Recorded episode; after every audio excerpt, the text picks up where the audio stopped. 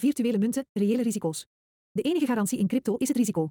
Deze podcast is bedoeld als entertainment en geen professioneel beleggings- of financieel advies. Bitcoin is een permissieloos veilig netwerk. Euro spaargeld is een garantie op koopkrachtverlies. Luisteren naar een podcast verbruikt elektriciteit.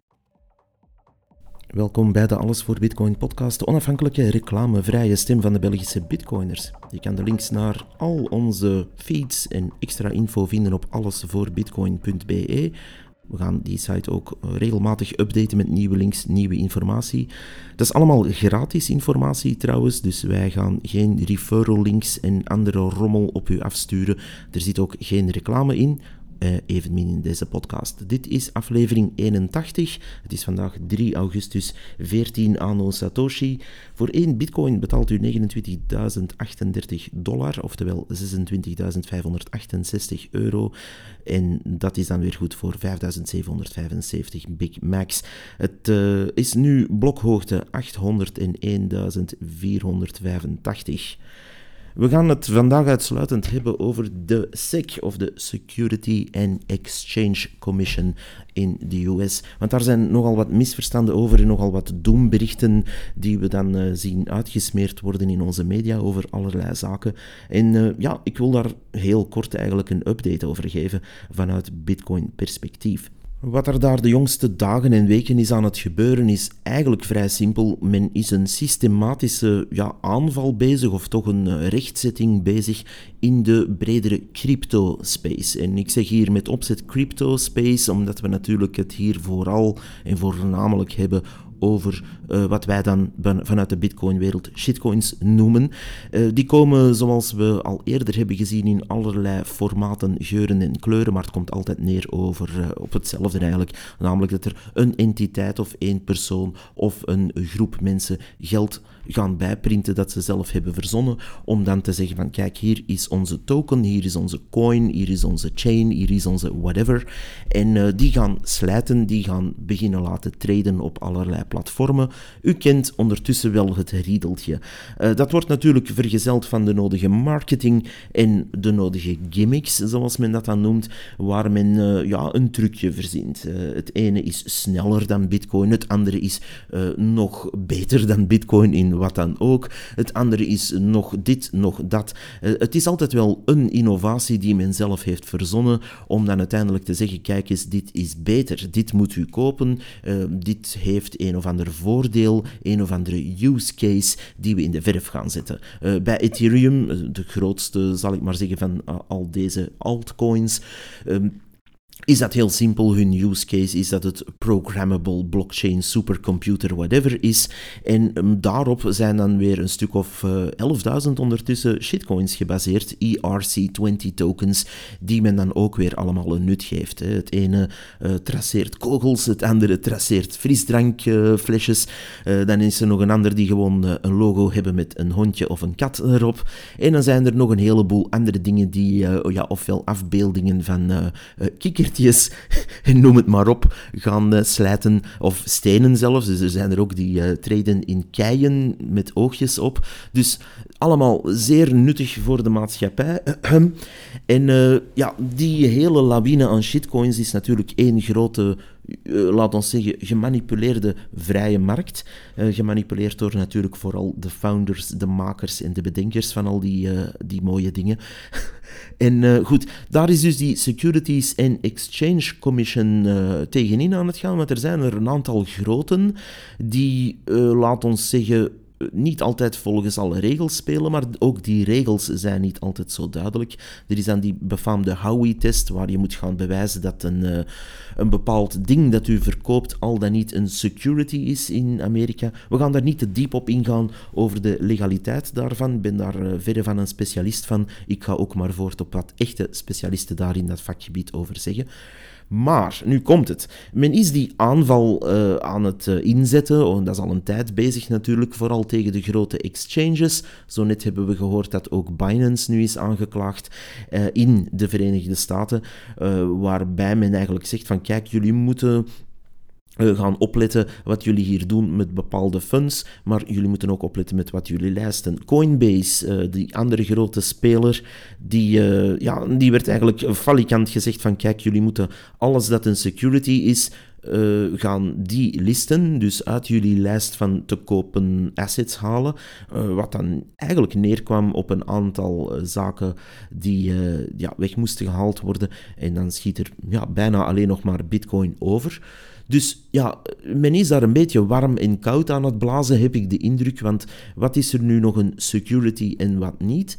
Eh, de ene keer hoor je dat Ethereum dat niet is, de andere keer dat dat, dat wel is. De andere keer weer dat enkel degene die daar een pre-sale hebben gedaan in fout zijn, omdat die dan zogezegd uh, ja, zich gaan gedragen als een bedrijf dat aandelen uitgeeft, noem maar op. Dat heeft zijn gevolgen hier ook in Europa. Wanneer je natuurlijk ziet dat uh, bepaalde Amerikaanse bedrijven vooral daar uh, geaffecteerd gaan door worden. Dus men, men is daar een aanval bezig die er vooral op neerkomt dat men al jaren uh, bewijs is aan het verzamelen of toch informatie is aan het verzamelen om bepaalde mensen te gaan aanklagen en bepaalde projecten te gaan stopzetten. Nu, men zet die druk nogal hoog, omdat men zegt van kijk, uh, dat of dat project, en ik ga niet te veel namen noemen, want anders gaan mensen dat gewoon kopen, omdat ik gewoon die naam vermeld. Um, maar bijvoorbeeld Coin XIZ, om het weer eens uh, over die beroemde, uh, niet nader te noemen coin te hebben, die wordt dan uh, gedelist, omdat het ja, niet oké is volgens bepaalde regels. dat wordt dan weggehaald en dat heeft natuurlijk zijn gevolgen op die markt. Nu, ja, wij zijn bitcoiners en wij gaan natuurlijk altijd safe zitten, omdat we, uh, wanneer je een goede bitcoiner bent, gewoon bitcoin koopt af en toe om de zoveel tijd. DCA'en eh, noemen wij dat, dollar cost average. En wij houden zelf onze keys bij van de assets die we eigenlijk uh, daar hebben. Nu, uh, die keys houden wij bij. We hebben een eigen wallet. We hebben allemaal bitcoin die we zelf stakkeren, waar dan ook op een veilige manier, zonder tussenpersonen, zonder middelmen die dat voor ons bijhouden. En daar zit altijd het probleem. Wanneer natuurlijk uh, een of andere exchange, we gaan nu Binance of Coinbase als voorbeeld nemen, wanneer die mijn bitcoin of welke shitcoin dan ook dat je ooit hebt gekocht, wanneer die dat bijhouden voor jou en de SEC komt binnen en die zeggen, hey meneer Coinbase of hey uh, mevrouw um, Binance, u, u, we weten uw woorden, dan uh, trapt men daar bij wijze van spreken weer de deur in, gaat men daar een aantal zaken stopzetten en gaat men zeggen van kijk, uh, ja, die assets moeten eigenlijk uh, verbeurd verklaard worden of gefrozen worden of wat men er ook mee doet. In ieder geval bent u de controle kwijt. En dat is wat we hier tot in den treuren herhalen. Wanneer u bitcoin hebt, wanneer u bitcoin bezit, hebt u uw eigen keys. Wanneer u uw eigen keys, wanneer u die sleutels zelf niet hebt, dan hebt u ook geen bitcoin, dan is er ook geen bitcoin voor u dan hebt u niks. Dan hebt u misschien ergens op een schermpje, zoals u inlogt op uw bank en ook kan zien dat u ergens op een schermpje zogezegd assets hebt. Uh, ja, je bent daar nooit niet echt zeker van, tot je die natuurlijk wilt gaan afhalen of verzilveren of gaan verplaatsen. En dan weet je pas of je het echt hebt of niet. Bepaalde banken weigeren zelfs om uh, ja, uw eigen spaargeld te geven wanneer u dat zou gaan halen. Dus het zijn allemaal maar cijfertjes op een scherm tot het moment dat u het wil afhalen. En dat telt zo voor uw euro op uw bank. Dat telt ook voor uw Katecoin, die u, wanneer u die afhaalt, opeens Fuji verdwenen schijnen te zijn. Uh, want daar staan vervaldata op, blijkbaar. um, Dus eh, er kan van alles gebeuren met uw zogezegde safe assets, maar evengoed aandelen die dan opeens niet meer schijnen te bestaan, of waar u kosten moet gaan betalen, of die fractional waren. Bij bepaalde platformen krijgt u dan zogezegd een tiende van een Tesla-aandeel, om maar iets te noemen, maar u kan dat natuurlijk nooit verzilveren of verplaatsen tot u weer een boete betaalt, of extra kosten betaalt, of gewoon uh, het niet krijgt, om een of andere reden. Bij crypto in het algemeen is dat natuurlijk ook, dus crypto als zijn de altcoins, scamcoins, shitcoins, noem het maar op, die uh, doen hetzelfde. Dus u hebt uh, eh, XIZ-coin gekocht en u vindt dat dat uh, van 0,01 dollar zeker naar 10 miljoen dollar moet gaan stijgen, want u wilt natuurlijk snel rijk zijn en u hebt een paar influencers gevolgd op YouTube die u de hemel op aarde beloven. En ja, daar zit u dan in dat platform waar u dat op hebt gekocht, gaat op een bepaald moment ofwel offline, ofwel hebt u uw eigen keys niet, of merkt u dat dat gewoon geen liquiditeit heeft, en dat u niks kan. Dus daar komt dat altijd op neer. Nu, die SEC, die Securities and Exchange Commission in Amerika, die gaat eigenlijk uh, de gebruikers in Amerika dan vooral, maar ja, ondertussen doen ze dat voor heel de wereld zo'n beetje, gaan die, die gebruikers, die ach, uh, argeloze, domme gebruikers, zoals we dat dan noemen, beschermen. En die gaan zeggen van kijk, we gaan u beschermen tegen de grootste scams en de grootste fraude en die platformen die ja, hun funds niet goed gebruiken. En er zijn een heleboel voorbeelden van. Uh, de, de, ja, de rechtszaken die ze aanspannen, onder andere tegen Ripple XRP, uh, wat dan een fake soort van blockchain is die zichzelf voordoet als een value transfer, waar ja, geen added value zit buiten de snelheid, maar zo zijn er wel honderden duizenden. Um, en dan hebben we nog een heleboel, uh, laat ons zeggen, dingen zoals Celsius, waar men blijkbaar ja, altijd maar meer en meer leverage nam op, achter de schermen om uh, ja, een legitieme financiële instelling te lijken. Tot natuurlijk ja, de autoriteiten daarachteraan kwamen en men de ene put met de andere ging vullen. En uh, ja, op den duur uh, ja, aangeklaagd werd. En uh, de man daarachter die, die is ondertussen aangeklaagd voor ja, meer dan 100 jaar securities fraud.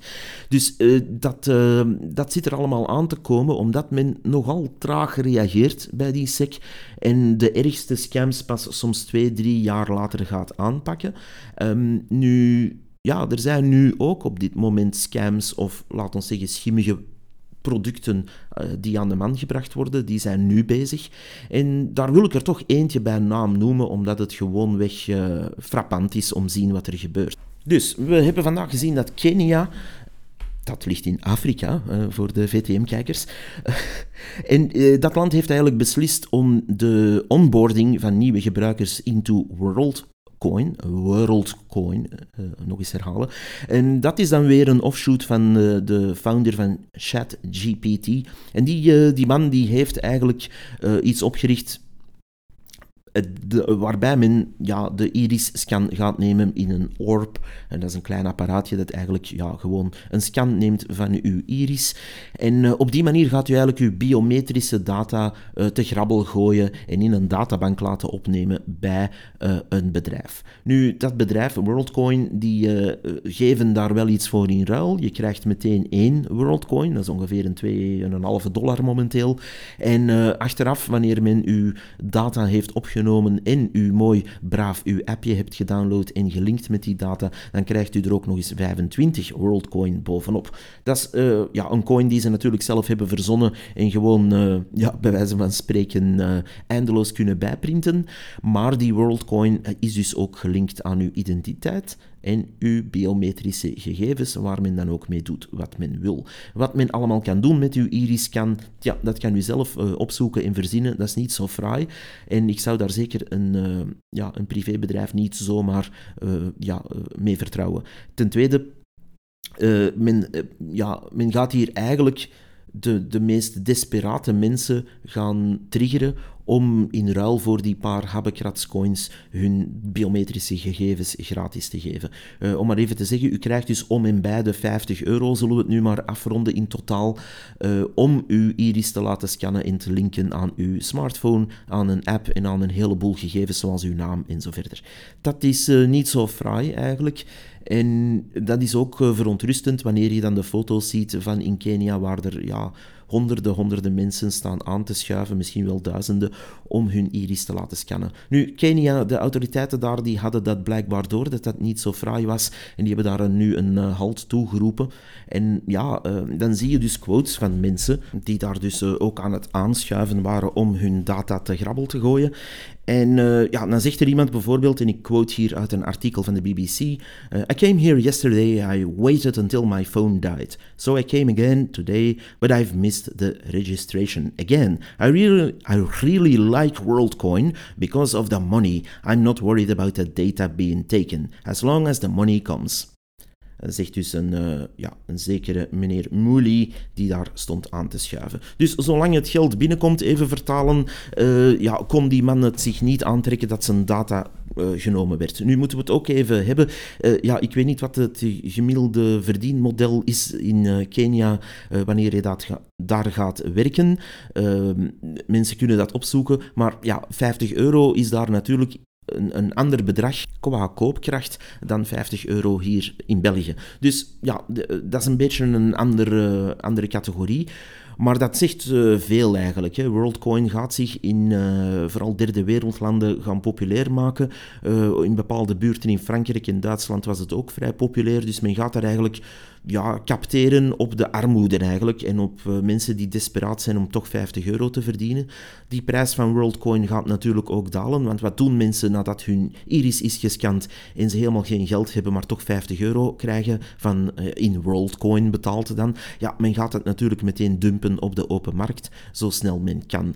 Dus uh, ja, je ziet daar al die sell pressure nu komen en ik begrijp niet dat zoiets wettelijk wordt toegelaten. Ik begrijp ook niet dat dat uh, zomaar kan. Nu, aan de andere kant kan je zeggen, ja, het is een vrije markt, ze doen maar als die mensen hun uh, data willen te grabbel gooien. Wel, kijk, er zijn nu eenmaal uh, overheden en er zijn nu eenmaal instanties in het leven geroepen. we kunnen die niet wegtoveren, die zijn er. Omdat de mensen zelf die blijkbaar wilden om zichzelf te laten beschermen. Die instanties moeten dan ook hun werk doen, want ze krijgen taxatiegeld uh, daarvoor. Dus er wordt tax opgehaald om ons te laten beschermen door dat soort organisaties. Uh, ja, dat is nu eenmaal hoe een staat in elkaar zit. En ja, die moeten dan maar de mensen daartegen beschermen. In Kenia uh, doet men dat blijkbaar, dus dat is eigenlijk wel goed. Men heeft daar gezien dat dit uh, niet zo oké is. Maar ja, ik vraag me echt af uh, of dat in Europa eigenlijk niet gewoon verboden moet worden om ja, die mensen op die manier hun geld uh, te laten verdienen en uh, hun data te laten te grabbel gooien. Vooral dat bedrijf daarachter moet ook maar eens meer uitleggen wat ze exact met die data gaan doen, vind ik. Nu, ja, de andere kant van die medaille is, als mensen zo dom willen zijn, dan moeten ze dat maar doen en hun data verkopen. Uh, ik kan alleen maar oproepen, uh, moest er zo'n orb in uw buurt verschijnen van WorldCoin, um, ja, ga daar dan niet naartoe om 50 euro te verdienen en uw iris te laten scannen en te laten linken aan uw data. Uh, dat is niet zo slim, denk ik. Aan de andere kant, um, er is ondertussen ook al een prijs uitgereikt, 1 bitcoin voor wie zo'n orb kapot doet. als je daarop in wil gaan, feel free zou ik zeggen. Maar uh, ja, het is natuurlijk wel een dystopian uh, wereld. Het kan zo uit een uh, science fiction verhaal komen, waar men eigenlijk ja, de arme bevolking een, een, een kruimeltje toegooit om ja, hun data te gaan verkwanselen. Een ander onderwerp dat ik hier even wil aansnijden is ook het hele debakkelen rond Richard Hart en Hex. Dat is natuurlijk de elephant in the room, want we zien die man al uh, geruime tijd opduiken. Uh, dat was eerst een uh, bitcoiner, die is toch opgedoken rond 2017, dacht ik, 16, 17, zoiets, met zelfhulpboeken en met allerlei tips. Dat was een, een bitcoiner die vooral Ethereum op de korrel nam, helemaal in de begindagen. En toen, ja, een aantal jaren later, is geswitcht om een lang verhaal kort te maken, dus die man heeft een aantal zaken gelanceerd met wisselend succes. En die, uh, die heeft natuurlijk uh, ja, voornamelijk de Hex coin, dat is een ERC20 token, uh, op Ethereum gelanceerd. Die is dan geswitcht naar, uh, naar de Berlin upgrade van Ethereum, omdat het te duur werd om die uh, staking calculaties nog te maken. Dus heeft hij eigenlijk geswitcht naar een eigen platform, een eigen chain, die noemt Pulse Chain. Daar kon je dan een zogenaamde sacrifice voor doen. Dus je gaf geld aan een adres waar je ja, dat naartoe dumpte en dat werd weggeëpt. Um, en die werd nu ook aangeklaagd door de SEC alsof hij dus uh, ja, veel geld zou hebben verkwanseld dat direct van die investeerders of die sacrifices uh, kwamen. Wat daar ook van zei, want eh, men is dat nog aan het onderzoeken. Um, ik heb die papieren ook even gelezen, omdat natuurlijk, ja, dat is een ex-bitcoiner. Uh, dus die, uh, die man is wel bekend in de Bitcoin-wereld. Uh, weinige mensen durven daarover spreken, maar ik ken toch een heel pak mensen die Richard Hart toch in een andere, andere categorie steken dan bijvoorbeeld meneer Machinsky van die Celsius, dus, of Sam Bankman-Fried. Dus dat is een andere, andere categorie, omdat dat een ex-Bitcoiner is en die dan zijn eigen, ja, laat ons zeggen. um, extraverte personaliteit in de markt begon te zetten. Nu, die, uh, het, uh, het erge daaraan is, er zijn heel veel mensen die daar op de achtergrond mee bezig zijn en die daarin geloven, die daarin getrade hebben en die dan uitcashen naar bitcoin. Maar wat er nu gebeurt, die aanval van de SEC, zegt eigenlijk van kijk, um, we gaan hier één iemand een rechtszaak aandoen. We gaan die aanklagen voor fraude. In dit geval is Richard Schuler, want dat is zijn echte naam. Uh, we gaan die man aanklagen en uh, we gaan die van alles aanwrijven. Uh, dat is goed. Die papieren, daar staan niet echt bewijzen in. Enkel maar ja, dingen die niet zo fraai lijken. de man begon opeens rond te rijden met Lamborghinis, opzichtige pakjes van Louis Vuitton te dragen, noem maar op. Um, dat was outrage marketing, dus hij deed dat met opzet, want voorheen deed hij dat helemaal niet. Dus hij is dat opeens beginnen doen als een act. En men zegt, ah, dat geld kwam van de investeerders. Dat kan best zijn, dat lijkt mij ook zo. Maar misschien had hij gewoon zelf veel geld en vond hij dat een leuk idee. Weet ik veel. Ik, uh, ik laat dat over aan de mensen die dat gaan onderzoeken.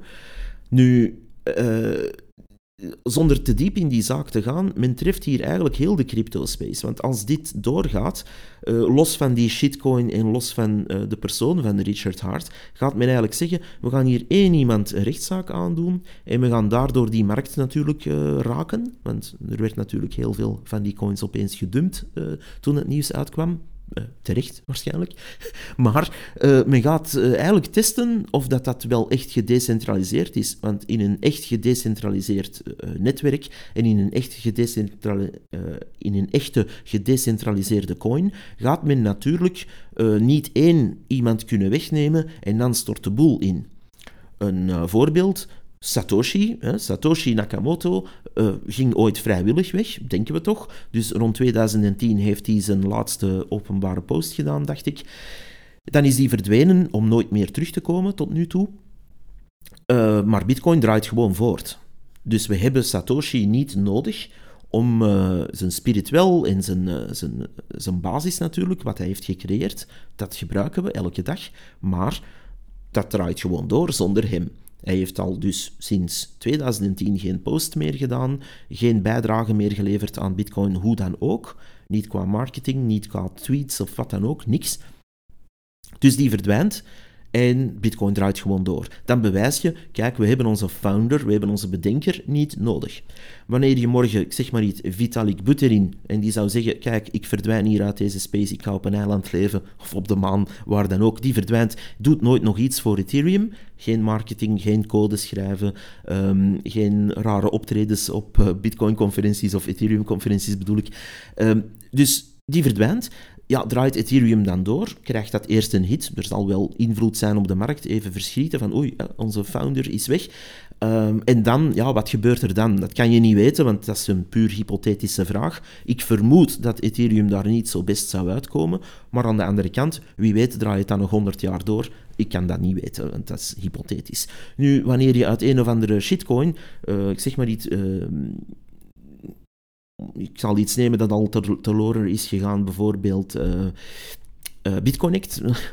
als je daar de founders, die we eigenlijk nooit niet hebben gekend, als, we, als je die wegneemt en die laten zich niet meer horen en er zijn geen conferenties niet meer en er zijn geen mensen niet meer die dat chillen, dan, uh, ja, dan stort dat natuurlijk in elkaar, omdat dat niet echt gedecentraliseerd was. Nu, bij Hex, bij PulseChain en al de andere dingen die Richard Hart heeft bedacht, gaan we nu zien wat er gebeurt. Uh, hij tweet nog altijd. Um, zijn streams zijn al een tijd stilgevallen, dus hij laat zich ook niet echt opmerken. We gaan zien wat er daar gebeurt, maar dat is eigenlijk wat de SEC, en dat is eigenlijk de illustratie die ik hier wil maken. Ik wil het niet hebben over Hex en Pulse Chain. Ik wil het vooral hebben over de techniek die men hier toepast is, we nemen er één iemand uit, in dit geval de founder, of uh, een vooraanstaande exchange die dat vooral gaat chillen. Bij Uniswap is men ook druk aan het leggen ondertussen, van ah, je, mag, je mag dit en dit niet oplijsten als tradable. Dus men gaat daar heel grote invloed uitvoeren en, en, druk zetten om te zeggen van kijk, dit mag je nog traden en dit niet. En we zien daar een rode draad in ontstaan ondertussen, namelijk dat men zegt bitcoin mag nog wel en shitcoin XYZ niet meer. Dus dat is wel een evolutie op de markt. De open vraag blijft natuurlijk, en dan zet ik even het petje op van een shitcoiner. Dat is een heel vies petje, het stinkt een beetje, maar goed, ik zet het toch op. Ehm, als ik de pet opzet van zo iemand, dan zeg ik natuurlijk, ja maar kijk, uh, iedereen mag een blockchain verzinnen, iedereen mag een, uh, een coin uitvinden. En ja, dat is deel van onze vrijheid en deel van onze vrije markt, onze free speech als het ware. En ja, doe er maar iets tegen. Als ik uh, morgen de AVB podcast eh, token zou lanceren op mijn eigen chain, tja, dan doe ik dat gewoon. En dan zet ik dat op en dan mag ik dat aanprijzen, dan mag ik daar reclame voor maken. Niet dat ik dat ga doen, uiteraard, want ik ben een bitcoiner. Maar uh, het kan. En dan is het aan andere instanties en aan banken en aan exchanges en noem het maar op, om dat al dan niet op te lijsten als zijnde, oké, dit is legit, we gaan hiermee verder, dit heeft een use case. En die verantwoordelijkheid wordt nu gezocht. En ik vind dat heel fascinerend om te zien hoe in de... En dan trek ik het heel even open. Ik doe het petje ook terug af. Van dat vieze petje leg ik even weg.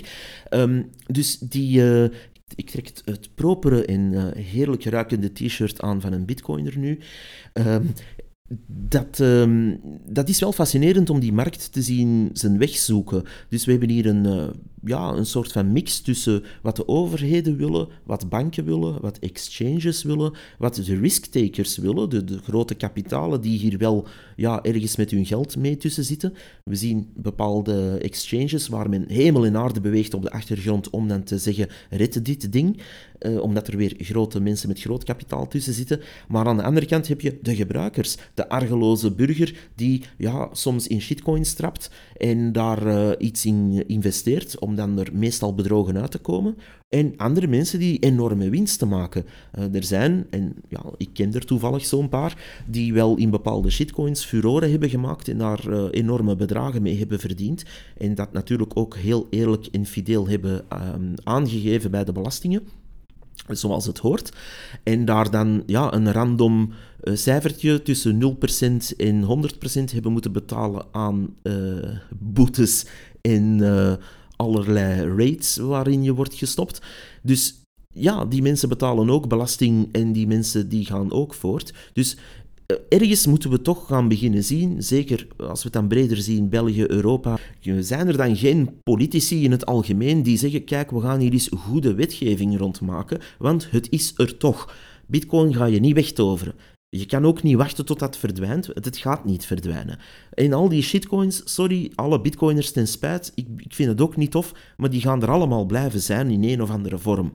En gaat dat meer underground geduwd worden? Misschien wel. Gaat dat minder openlijk zijn? Misschien wel. Maar momenteel is het nog altijd mogelijk om zowat eender welke shitcoin te kopen en die om te ruilen naar whatever dat je wil. Dat is er gewoon. Maak daar eens wetgevingen rond met een duidelijke taxatieregel die we kunnen volgen en die we ook effectief redelijk makkelijk kunnen uitvoeren. Wanneer je uh, eieren verkoopt op de markt of een auto tweedehands verkoopt of uh, een, een, een, een flexiejob doet, dat is allemaal geregulariseerd. Je weet exact wat je gaat betalen. En je gaat daar regels voor hebben. Alleen binnen crypto-space, en dan trek ik het hier breder dan alleen bitcoin, ja, zit je in een soort jungle waar je eigenlijk niet echt weet waaraan en waaraf. Er zijn wel regels, maar daar zijn dan weer uitzonderingen op en noem het maar op. Onze politici hebben als taak om een wetgevende macht te zijn. Onze politici hebben als taak om nieuwe trends te ontwaren en daar regels voor op te stellen voor onze maatschappij, want dat zijn wij allemaal. Als er morgen bijvoorbeeld een transporter wordt uitgevonden, zoals in Star Trek, waar je van de ene plek naar de andere kan geflitst worden in een instant, maar bijvoorbeeld per trip kost dat u uh, eh, 20.000 euro, uh, ja, dan moeten daar ook regels rond zijn. Van wie mag dat gebruiken, in welke omstandigheden, wie heeft daar uh, uh, exclusiviteit op en noem het maar op. Dan zou men daarop springen en regels rond beginnen maken. Oh wee, moest dat ooit echt uitgevonden worden, want dan zijn we denk ik twintig jaar aan het debatteren in Vlaanderen of dat je wel naar Wallonië mag flitsen en terug. Maar goed, uh, dus dat soort zaken gaan we dan allemaal meemaken. Uh, politici, doe uw werk eens, zou ik zeggen. Want we zitten hier met een heel scala aan crypto, van uh, de, de veilig bevonden bitcoin natuurlijk, want ja, daar heb je je eigen kies en daar ben je niet overgeleverd aan de willekeur van een of andere guru of een of andere exchange. Maar aan de andere kant heb je natuurlijk wel het feit dat er een heleboel WorldCoin en Hex en Ethereum en noem het maar op allemaal is. En wat gaan we daarmee doen? Ah, men weet het niet goed. Men heeft daar eigenlijk uh, een, een houding aangenomen om zich vooral weg te stoppen, om af en toe eens iets heel negatiefs daarover te roepen, zoals het zijn allemaal tulpenbollen, bluft weg, allemaal tulpenbollen ja, daar zijn we dus niks mee. Want dan kan je heel veel dingen gaan gewoon wegzetten en er geen duidelijke regels rond maken. Maar ook de staat zelf mist hier andermaal een enorme inkomstbron, maar ook een enorme opportuniteit om innovatief te zijn. Ga maar eens na wat Bitcoin zou kunnen doen, en vooral Bitcoin mining voor groene energie, om dat betaalbaar te krijgen, om daar uh, bijvoorbeeld methaan te gaan opvangen op stortplaatsen en dat om te zetten, um, die verloren ja, die biomassa gaan genereren naar elektriciteit die omgezet wordt ter plekke naar bitcoin. Noem het maar op. Er zijn enorm veel mogelijkheden die men allemaal laat links liggen, terwijl men aan het debatteren is over op een niveau dat tien jaar achter staat. Dus alsjeblieft, politiekers, word eens wakker en doe iets en ga eens in uw echte maatschappij te raden bij echte specialisten. En dan heb ik het dus niet over uh, mensen die eens een boekje hebben geschreven over een shitcoin. Dan heb ik het over echte specialisten, die mensen die weten hoe dat technisch werkt. En die vind je dus niet in de KU Leuven, want blijkbaar uh, schrijven die het ene paper na het andere dat vol met onnozele tijden staat. Ga alsjeblieft eens te raden bij mensen die in die space werken en die daar ervaring in hebben. En dan kan je er nog altijd uh, als balans uh, een of andere professor bij halen die dan uh, dat academisch bekijkt of noem maar op. Maar je hebt hier echt wel nood aan know-how. En je hebt hier nood aan know-how om vooral Bitcoin te omarmen, om niet volledig achter te lopen. En dat zien we nu. Die SEC die begint nu in Amerika de uh, ja, die grote exchanges en de grote scams en noem het maar op aan te pakken. Die begint terug te vechten. Die begint eigenlijk te zeggen, we gaan de users gaan beginnen beschermen. Een beetje traag reageren die, maar ze doen toch iets. En hier in Europa, wat, wat zien we hier? Heel weinig. Men gaat eigenlijk vooral zeggen, ah, het mag allemaal niet, het is allemaal slecht. En we gaan die exchanges allemaal opleggen om, een, uh, um, om zo een provider te worden en regeltjes. Dat gaat de shitcoiners niet tegenhouden hoor. Want dat zijn de eerste die geld genoeg hebben om te zeggen, ah, we gaan zo'n bedrijf oprichten en we gaan een checkboxje maken met al die regeltjes waar we ons aan moeten voldoen. En we gaan één voor één een vinkje zetten achter al die um, parameters die u van ons vraagt. En dan zijn we helemaal squeaky clean in orde op papier, zoals het hier zo vaak is in Europa. Hey, op papier ben je in orde.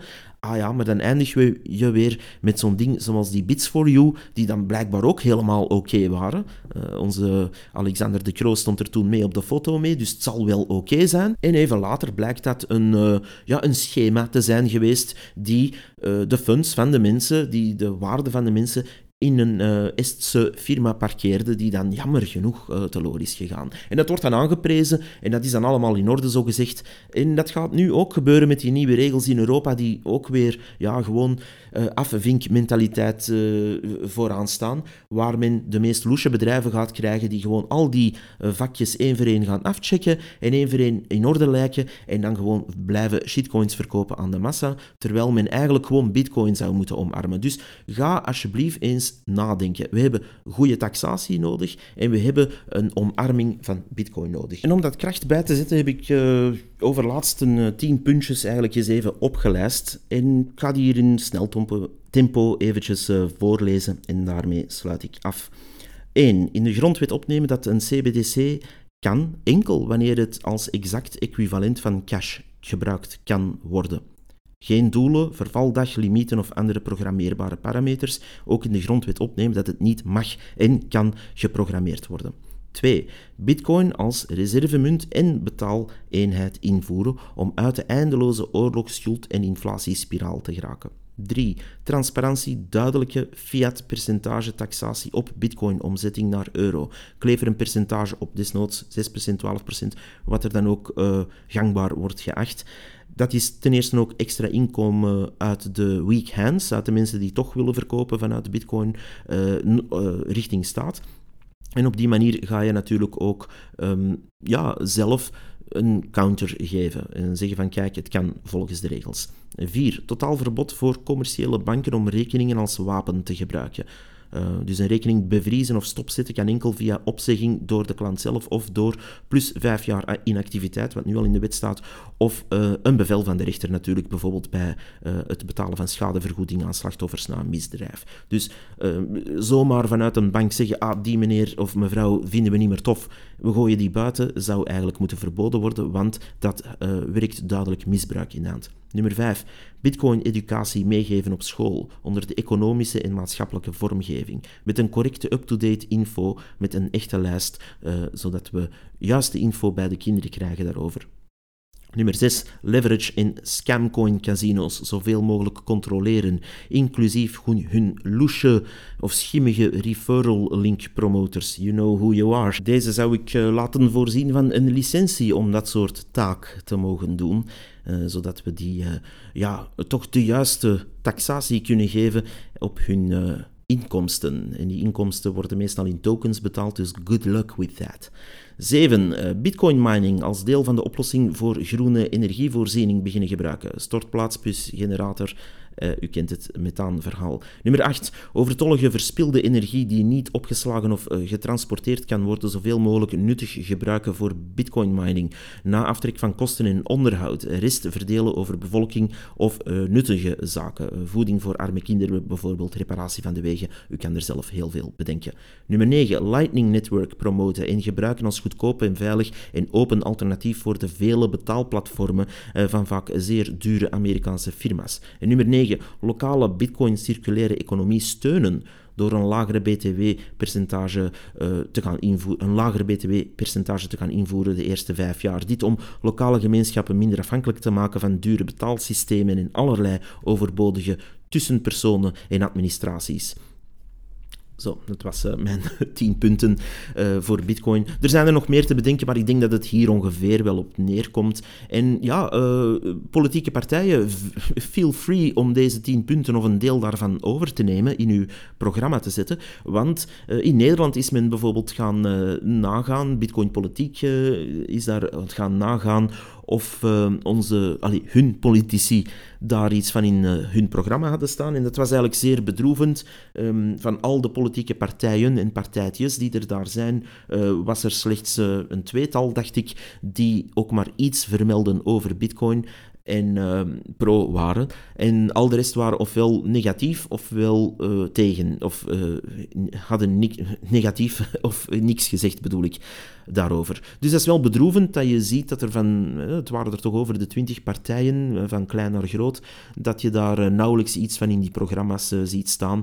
Bitcoin bestaat al 14 jaar, mensen. Het wordt misschien tijd dat u eens wakker wordt en daar iets over in uw programma zet. Ook al bent u tegen. Ik kan me natuurlijk voorstellen dat, ik zeg maar iets, een communistische partij, dat die natuurlijk niet graag een munt zien ontstaan waar uh, ja, mensen dat gebruiken en echt eigen bezit hebben. Een communist vindt dat niet zo tof. En dat is ook niet erg om als communistische partij dat ook toe te geven en zeggen, kijk, wij zitten in ons programma dat we absoluut tegen vrije markt zijn. Dat is nogal wie want u bent een communist. Dat is normaal. Uh, maar zet het in uw programma. En dan kan ook een andere partij, bijvoorbeeld een, libertaal, een libertaire partij of een liberale partij. In België hebben we dat niet meer, maar goed. Um, of die mensen die pretenderen om dat te zijn, die kunnen dan zeggen, kijk, dit is onze mening daarover. Je kan perfect als groene partij bijvoorbeeld zeggen, ah kijk, wij, wij omarmen bitcoin omdat dat groene energie gaat betaalbaar maken. Of je kan even goed zeggen, wij omarmen bitcoin absoluut niet, omdat we eigenlijk verdoken communisten zijn. Je kan er van alles in zetten, maar informeer uw kiezers, informeer de bevolking over uw standpunt daarover. En dan kunnen we in uw standpunt ook teruglezen waarom we al dan niet op u moeten stemmen. Je kan ook zijn, het kan ook zijn dat er gewoon een nieuwe partij uh, zal ontstaan, vroeg of laat, die zegt, kijk, wij gaan wel voor die bitcoin-standaard en wij gaan de maatschappelijke gevolgen daarvan, die bijna uitsluitend positief gaan zijn. Er zullen wel wat bumps in de road zijn, maar een partij die daarvoor gaat, die heeft uiteraard mijn stem. En die kan natuurlijk rekenen op heel veel stemmen, denk ik, van mensen die zich in de steek laten voelen door ofwel de groenen, die dan misschien wat te passief zijn, ofwel in de steek laten voelen door de vroegere liberalen, die ja, naar weet ik wel, welke richting zijn opgeschoven. En misschien zelfs mensen die zeggen, ja kijk, ik ben wel een... Uh, ja, een socialist of een, zelfs een communist, maar ik vind wel dat Bitcoin een heleboel van die problemen die in onze kapitalistische maatschappij aanwezig zijn oplost. Dus je ziet daar een heel scala van oplossingen die over alle geledingen, of bijna alle geledingen van het politieke landschap heen, een oplossing zouden kunnen bieden in Bitcoin, maar niemand springt in dat electoraal gat. Dus ja, vroeg of laat zal er toch iemand dat doen. Dus beste politici, de tijd begint te dringen. Ik zou jullie aanporren om iets daarover in jullie programma te zetten en natuurlijk liefst positief. Hebt u daar hulp bij nodig? Dan is er de, de Belgian Bitcoin Embassy, dan is er AVB Podcast en dan zijn er de hele Bitcoin community, want niet iedereen hoort bij uh, een of andere organisatie, groep of podcast of wat dan ook. Er zijn ook gewoon mensen die Bitcoiner zijn en die kan u op Twitter bijvoorbeeld uh, gewoon aanspreken. En dan zal er daar zeker iemand u heel graag komen helpen met het schrijven van dat stuk van uw programma. Wij staan in ieder geval bij AVB Podcast klaar.